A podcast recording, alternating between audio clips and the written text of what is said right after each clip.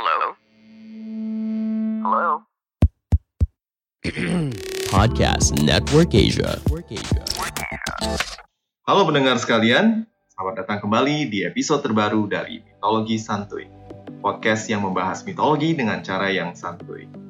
Untuk pendengar yang baru saja mendengarkan tentang podcast Mitologi Santuy, silahkan subscribe di Spotify atau di channel podcast yang Anda sukai.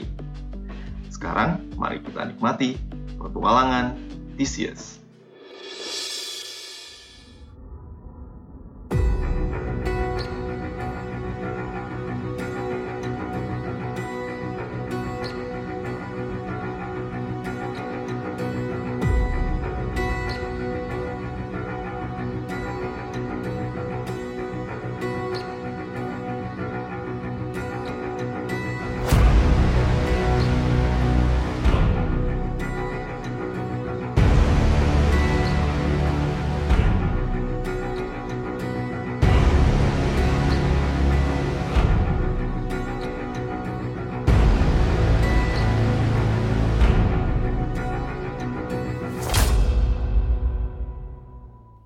Theseus terus berpikir. Otaknya yang cerdas terus berputar mencari cara untuk melarikan diri. Terkurung di penjara yang gelap dan besarnya rombongan yang mengikutinya membuatnya harus berpikir ekstra.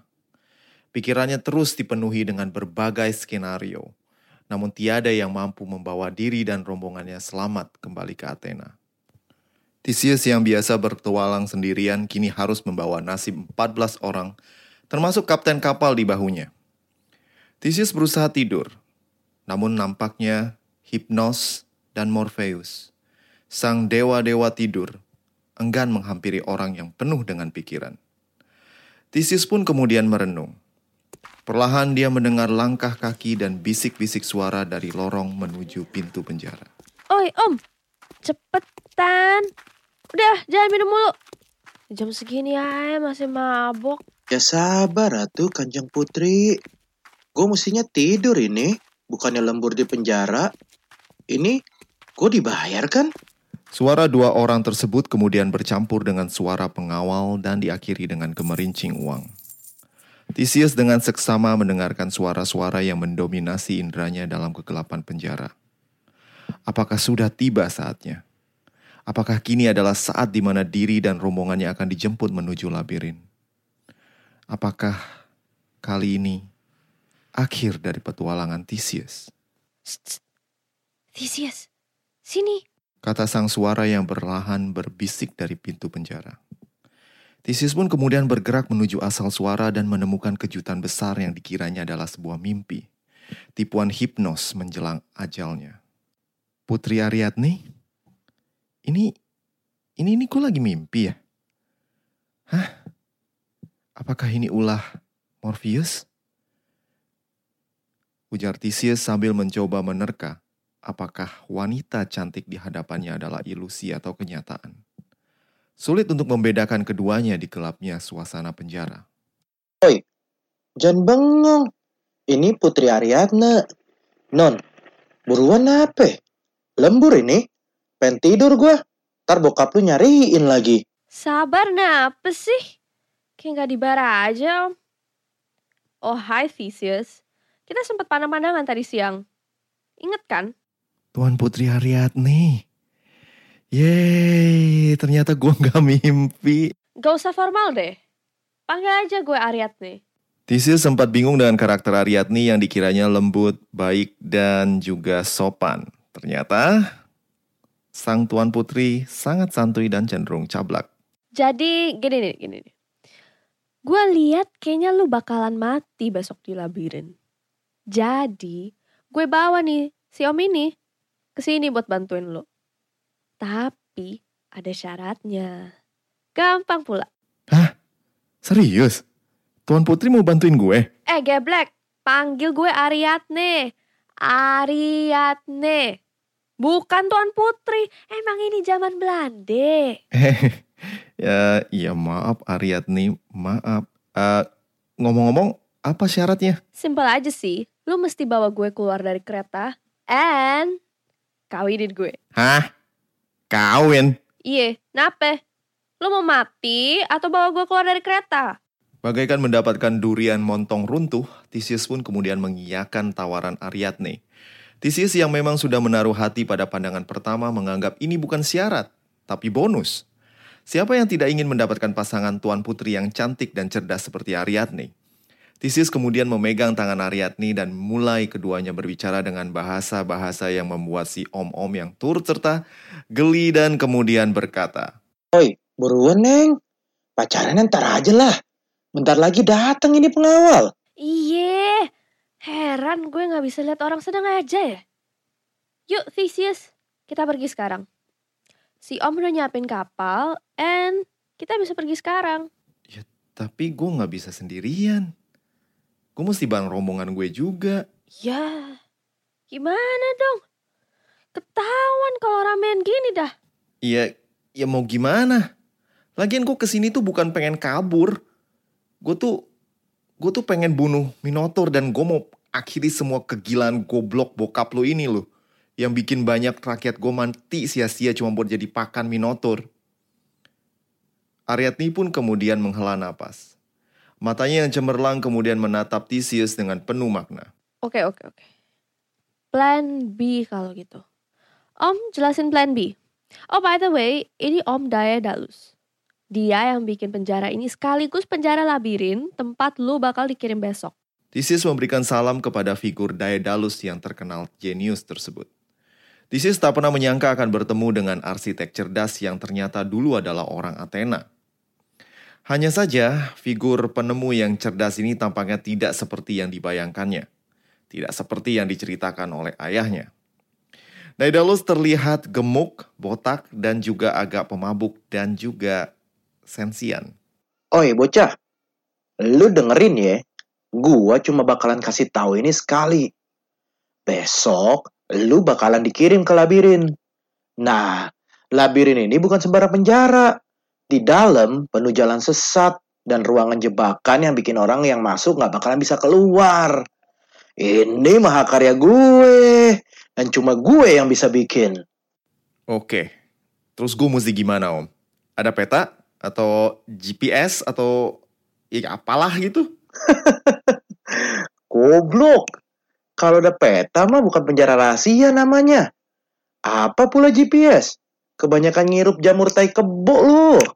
Nih, ambil gulungan benang ini. Umpetin di ketek. Tar, pas masuk labirin, lu ulur gulungan benang ini buat petunjuk balik lagi ke pintu masuk. Gitu. Wah, genius om. Nah, om, bisa sekalian nyelundupin senjata nggak? Kayaknya susah nih lawan Minotaur pakai tangan kosong doang. Ya kagak ada lah. Lu nggak bisa masuk ke sana pakai pedang, pasti ketahuan. So, pakai lah otak lu atau gimana lah. Lu udah gede ini. Theseus pun terdiam. Mengalahkan monster yang begitu kuat dengan tangan kosong, kayaknya nggak gampang dah. Tapi setidaknya dia sudah memperoleh bantuan berupa petunjuk agar tidak terkurung selamanya di dalam labirin. Oke dah. Makasih ya Om. Jadi gimana selanjutnya? Kalau lu udah kelar gelut sama Asterion, gua bakal bantu lu keluar dari kereta. Oh ya Theseus, nanti saat lu berhadapan sama Asterion, kalau bisa bunuh yang cepet ya, biar dia nggak terlalu menderita. Ya, gimana juga dia masih ada tiri gua. Oke, say. Theseus pun mengangguk. Dan di luar dugaan, Ariadne mengecupnya di bibir. Theseus yang baru pertama kali merasakan kehangatan bibir seorang gadis, kemudian membalas ciuman tersebut dengan hangat. Oi, gua masih di sini kali. Ucapan Daedalus merusak suasana mesra yang baru saja dimulai. Theseus dan Ariadne tersipu malu dan kemudian keduanya pun memisahkan diri. Sekarang tibalah saat kedua insan ini untuk pergi. Theseus kemudian pergi ke pojok di mana dia beristirahat. Dan tidak seperti sebelumnya, kali ini dia benar-benar mempunyai rencana. Sedikit kata dari sponsor kami. Anda mencari pakaian baru, atasan, sepatu, aksesoris, atau perhiasan. Zalora memiliki semua pilihan tersebut. Dengan pilihan yang keren dan juga ramah di kantong, Gak ada alasan untuk melewatkan kesempatan ini. Silahkan kunjungi Zalora dengan tautan yang ada di deskripsi episode. Kita lanjutkan cerita petualangan dari Theseus. Pagi pun datang dan Theseus pun terjaga. Sulit membedakan apakah pertemuannya dengan Ariadne dan Daedalus semalam adalah mimpi atau kenyataan. Namun gulungan benang yang digenggamnya sekarang adalah simbol bahwa dirinya memiliki harapan. Theseus berdiri menatap para pemuda dan pemudi yang masih tertidur. Rupa mereka tampak pulas. Ironis jika dibandingkan dengan nasib yang akan menimpa mereka segera. Sang kapten kapal Athena yang juga dipenjara telah terjaga dan menghampiri Theseus. Konon, si monster sangat kuat. Dan korbannya gak akan bertahan lebih dari satu menit. Dengan tanduknya yang tajam, Minotaur menusuk dada korban menembus paru-paru dan jantung instant death. Bukan kita yang mati hari ini, Kapten. Tapi monster itu. Eh, hah? Gimana, Tuan? Tenang aja, biar gue yang urus. Nah, misalnya gue berhasil kembali nih, dan gue bisa jemput kalian.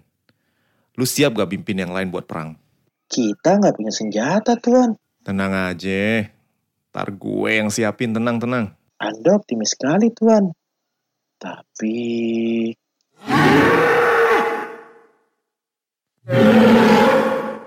Ah, teman kita si Minotaur sudah bangun dari tidurnya. Kayaknya dia pengen sarapan nih. Sementara Theseus menyelesaikan kalimatnya, pintu penjara terbuka. Dan lima orang prajurit datang memasuki penjara dan membangunkan semua rombongan Theseus yang masih terlelap. Hoi, bangun semua, bangun! Kata si pemimpin prajurit yang ganas dan berbewok tebal sambil menendang beberapa pemuda yang masih tertidur.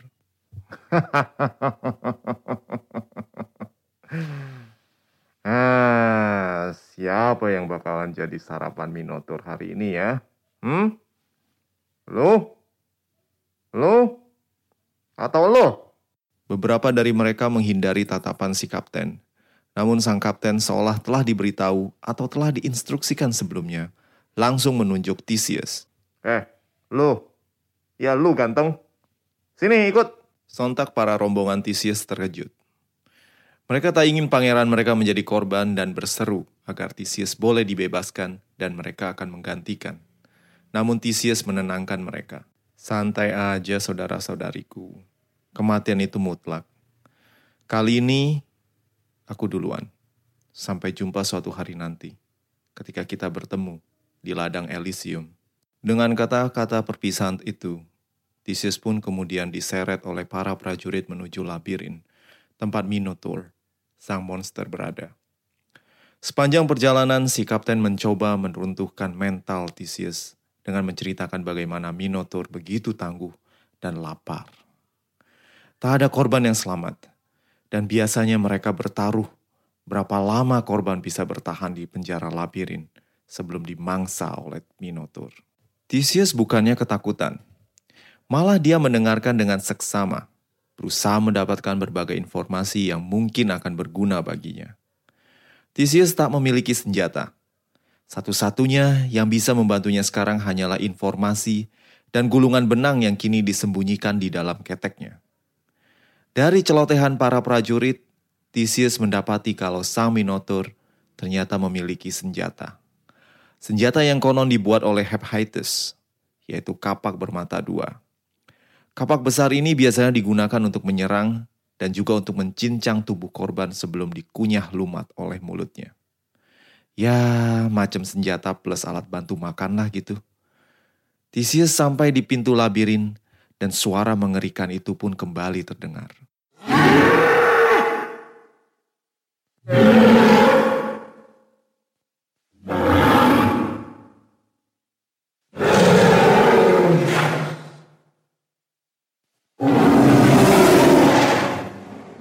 Theseus tercengang dan merinding mendengar suara lenguhan mengerikan yang membahana di dalam lorong gelap yang tampak tak berujung tersebut. Sang pangeran Athena tiba-tiba terhempas ke depan, terjatuh, masuk ke dalam kegelapan labirin, disertai tawa para prajurit yang terbahak-bahak. Sang kapten yang tak sabar ingin meninggalkan shift kerjanya tersebut, mendorong Theseus sampai jatuh masuk ke dalam penjara labirin. Kali ini, Theseus tak mampu lagi untuk kembali. Pilihannya hanya dua, menaklukkan sang monster atau mati. Bagaimana dengan kelanjutan cerita dari Theseus? Kita harus menunggu sampai episode minggu depan untuk mendapatkan jalan cerita selanjutnya. Sebelum saya akhiri episode kali ini, saya ingin mengucapkan terima kasih kepada Sahista dan Henry yang telah menyumbangkan suaranya untuk episode kali ini. Terima kasih dan sampai jumpa minggu depan. Ciao. Pandangan dan opini yang disampaikan oleh kreator podcast, host, dan tamu tidak mencerminkan kebijakan resmi dan bagian dari podcast Network Asia. Setiap konten yang disampaikan mereka di dalam podcast adalah opini mereka sendiri dan tidak bermaksud untuk merugikan agama, grup etnik, perkumpulan, organisasi, perusahaan, perorangan, atau siapa pun dan apa pun.